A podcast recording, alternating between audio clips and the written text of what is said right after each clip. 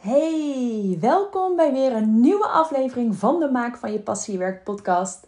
Superleuk dat je weer luistert. Ik zit hier vandaag en ik kreeg een hele mooie vraag afgelopen week in de Maak van je Passiewerk uh, groep tijdens een, een groepscoaching sessie, een Q&A sessie. En het is niet alleen een vraag die daar werd gesteld, maar het is een vraag die ik wel vaker voorbij hoor komen, al wordt die soms een beetje verkapt gesteld. Nou, ik zal je meteen even vertellen waar het over gaat. Het gaat over het stukje ik heb een bedrijf gestart. Ik ga nu delen met de wereld dat ik mijn bedrijf heb gestart. Of ik heb een nieuwe richting ingeslagen met mijn bedrijf. Of ik ga een nieuwe richting inslaan met mijn bedrijf. Een ander soort klanten die ik wil bedienen. En dit ga ik delen met de wereld. En daar komen vaak heel veel angsten en twijfels bij om de hoek kijken. Angsten en twijfels van: kan ik het wel? Moet ik het wel doen? Uh, heb ik wel genoeg ervaring? Ben ik goed genoeg? Maar ook, wat gaan andere mensen ervan vinden? En vooral dat stukje, wat gaan andere mensen ervan vinden? Wat zouden anderen hier nou van zeggen?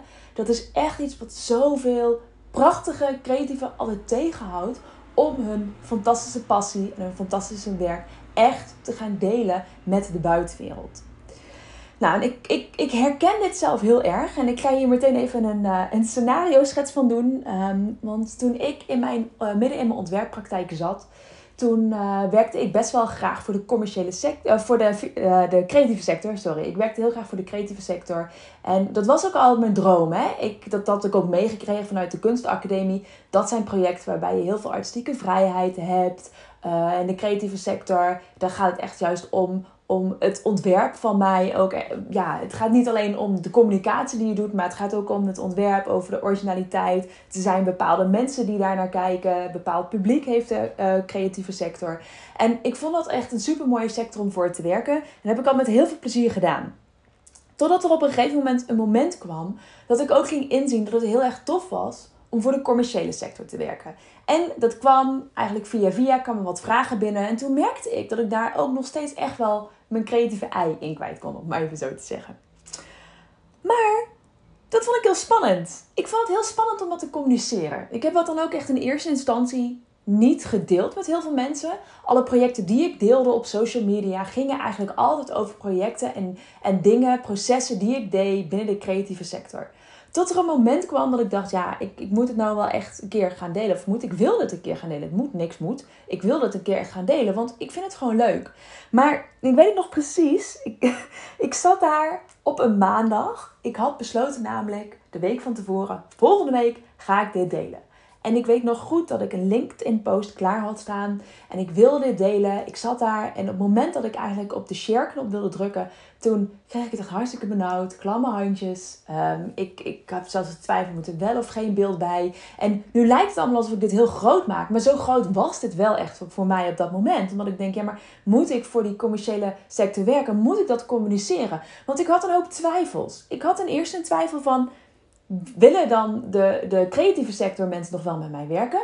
En een andere hele grote twijfel die ik had was: wat zouden anderen uit mijn vakgebied hiervan zeggen? En ik denk dat die twijfels, die beide twijfels, dus wat zouden hè, mijn klanten daarvan zeggen, maar ook wat zouden mensen uit mijn vakgebied daarvan zeggen, dat zijn hele grote twijfels. En die houden je echt tegen om volop te gaan staan voor wat jij wil doen en voor jouw dromen en jouw ambities en om die ook te delen met de wereld. En een van de dingen die mij persoonlijk altijd heel erg helpt en die adviseer ik anderen ook, op het moment dat je zo'n angst voelt, en dit is een beetje een stukje faalangst misschien soms ook, hè, van ben ik hier goed genoeg voor, kan ik dit wel, hè, ik heb net een bedrijf gestart, kan ik dit wel delen, wat voor verwachtingen krijgen mensen dan, en, uh, en dadelijk uh, krijg ik allemaal projecten en kan ik het dan wel. Er zitten heel veel onderliggende twijfels in. En heel veel angsten. En een van de dingen die ik zelf echt altijd doe, is een overzicht maken van: oké, wat houdt me dan tegen? Waar ben ik bang voor? En Vaak liggen die angsten echt wel dieper. Dus ben je bang voor een stuk afwijzing? Ben je bang voor een stuk mening van anderen? En stel nou in een worst case scenario dat je de mening van anderen krijgt. In mijn geval bleek ik echt heel erg bang te zijn voor wat mensen uit mijn vakgebied ervan zouden zeggen. Want zoals ik het altijd had ervaren, ook op de kunstacademie. Ik heb uh, een bachelor en een master op de kunstacademie gedaan. En nou ja, toen ik studeerde, ik weet niet of dat op het moment anders is, volgens mij wel iets, maar toen ik studeerde was eigenlijk ieder commercieel project was een soort van vies. Was als je er geld voor kreeg, ja, dan, was je, hè, dan, dan, had je minder artistieke vrijheid. Kon je misschien minder op je, op je strepen gaan staan wat betreft artistieke vrijheid.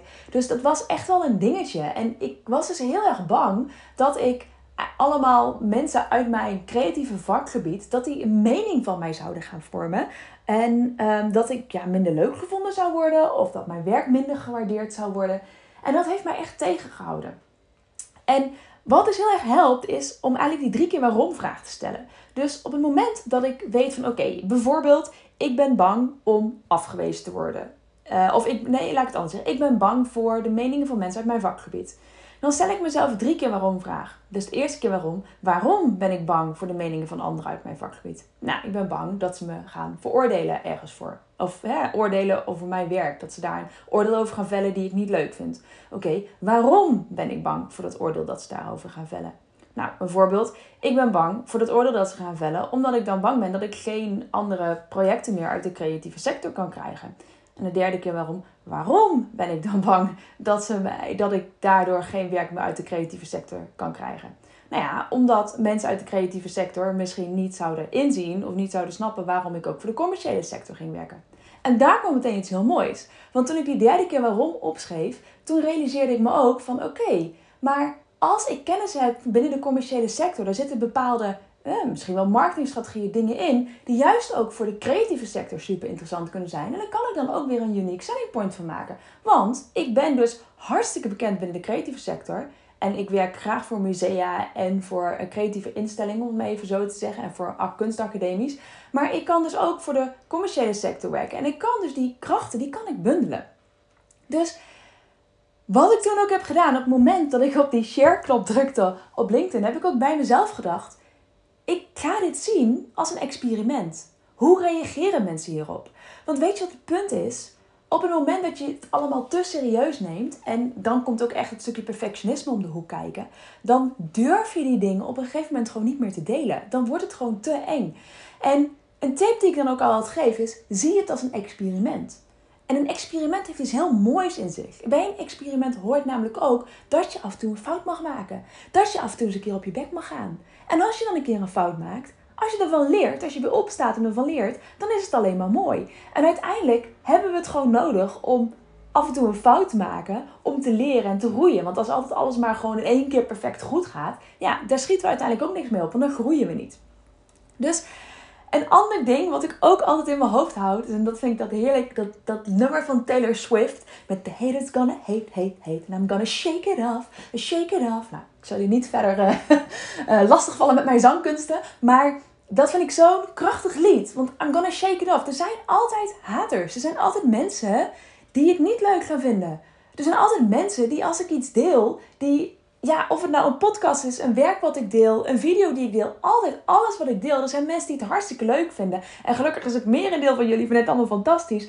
Maar er zijn ook mensen bij die het gewoon niet zo leuk vinden. En dat is zo, dat mag. Iedereen mag zijn eigen mening hebben.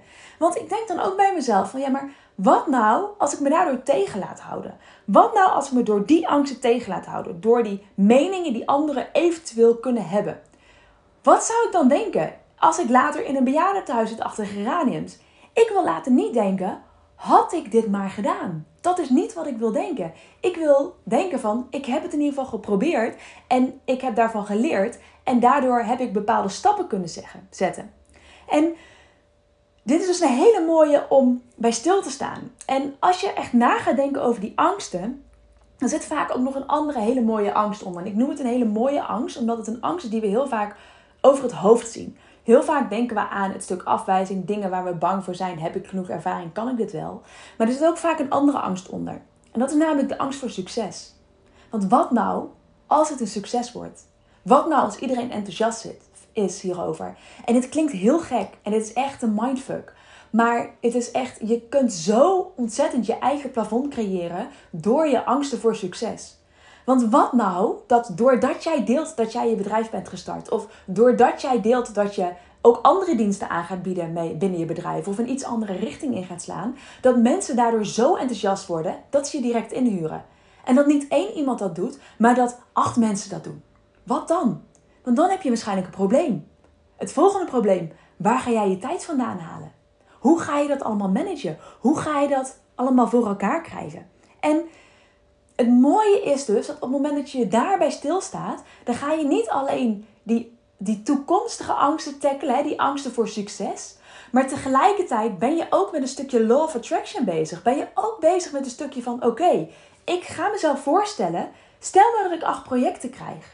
Wat, hoe ga ik dit doen qua tijd? Ga ik misschien samenwerkingen starten met mensen? Ga ik mensen inhuren? Ehm, wat, hoe lang doe ik ongeveer over zo'n project? Uh, ga ik een planning maken? Nou, al dat soort dingen. Je gaat jezelf, verplaats jezelf dan zo enorm in wat nou als het allemaal succes wordt, dat je ook in één keer je volle potentie gaat voelen. En je, en, je voelt je gewoon empowered dat je het kunt.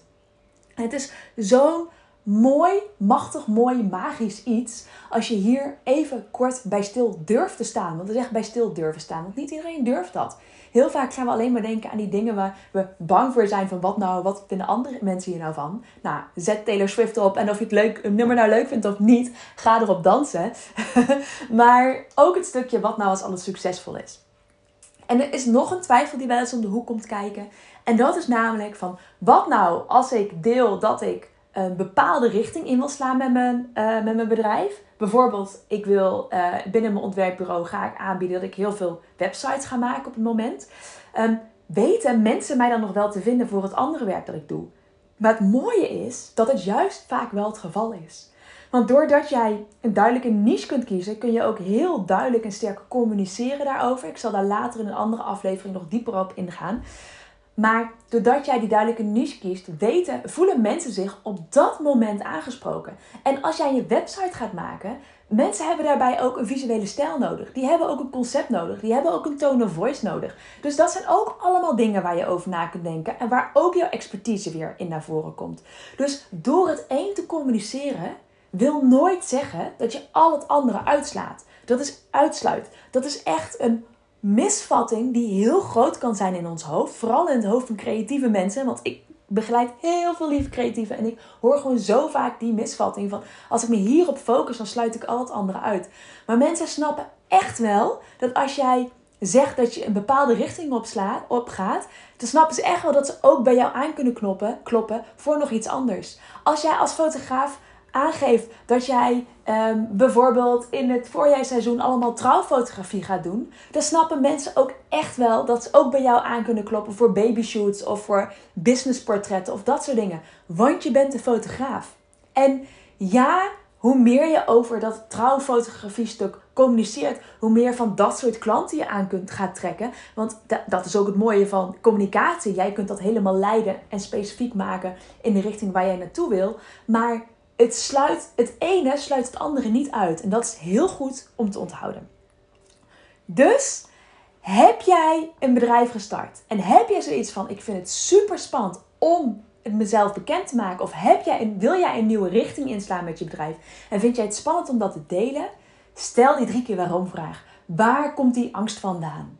En tackle hem. Tackle hem rationeel en ga er vervolgens in. Ga erin voelen. Want op basis van emotie ga je actie ondernemen. Emotion is motion. En dat is ook waarom ik het zo mooi vind wat ik hè, net zei. Het stuk law of attraction. Stel, alles lukt, alles is super succesvol. Hoe ga je dan daarmee om? Hoe voel je je dan? Hoe voel je je als het allemaal succesvol is? Het is zo mooi om daar eens mee bezig te zijn. Emotion is motion. Dat is echt een vuistregel die ik zelf ook eigenlijk altijd vasthoud. Nou, heel veel succes hiermee. Ik hoop dat ik je op deze manier in ieder geval die schop onder je kont heb kunnen geven om die stap te gaan zetten en om in die stoute schoenen te stappen. En hoe pril je idee ook is, hè, het hoeft niet helemaal af te zijn. Je bedrijf hoeft niet helemaal te staan. Je hoeft geen hele website online te hebben, Instagram, Instagram profiel met 500 volgers, podcastserie online, weet ik veel wat voor dingen je allemaal verzint. Het hoeft niet perfect af te zijn voordat je gaat communiceren. Start before you're ready ook zo'n onderwerp waar ik nog een keer langer over ga praten. Dus ga dat communiceren. En mocht je toch nog angsten voelen, ga daarmee aan de slag en ga kijken hoe je ze kunt tackelen. Nou, heel veel succes hiermee. Mocht je nog vragen hebben, mocht je een reactie hebben op deze aflevering, op deze podcast, laat het me weten. Ik zal het ook echt enorm waarderen als je mijn podcast deelt. Als je me positieve reviews geeft, um, uh, geef me 5 sterren op Spotify en rank me op uh, iTunes. Want dat helpt mij echt om deze kennis ook weer met anderen te delen. Ik maak deze podcast gratis omdat ik het zo belangrijk vind en zo fijn vindt om mensen te empoweren, om jou te empoweren, om je dromen te verwezenlijken en in je kracht te stappen. Dus ik zou het enorm waarderen als jij in ruil daarvoor mijn podcast wilt delen met de mensen om je heen van wie je denkt, hey, jullie hebben hier ook wat aan. En mocht je nou ook echt klaar zijn voor die volgende stap, mocht je aan alles voelen van, ja, Emmy, weet je, ik wil dit, ik voel het borrelen, ik weet dat ik het wil, maar ik vind het rete spannend en ik heb niet veel ondernemers om me heen en ik heb een stok achter de deur nodig. Weet dat ik er voor je ben. Maak van je passie je werk. Kan echt, kan, het, het, gaat, niet kan, het gaat je echt helpen en het kan ook echt precies zijn wat jij nodig hebt. Kijk op mijn site emmyvantiel.nl. Ga even kijken of het iets voor je is. En stuur me anders een bericht, want dan gaan we samen kijken of dit bij jou past op dit moment. Nou, heel veel succes met het bekendmaken van je nieuwe richting en van jouw mooie bedrijf. En mocht je nog vragen hebben, laat het me weten. En dan spreek ik jou weer in mijn volgende podcast van de Maak van je passie je werk podcast.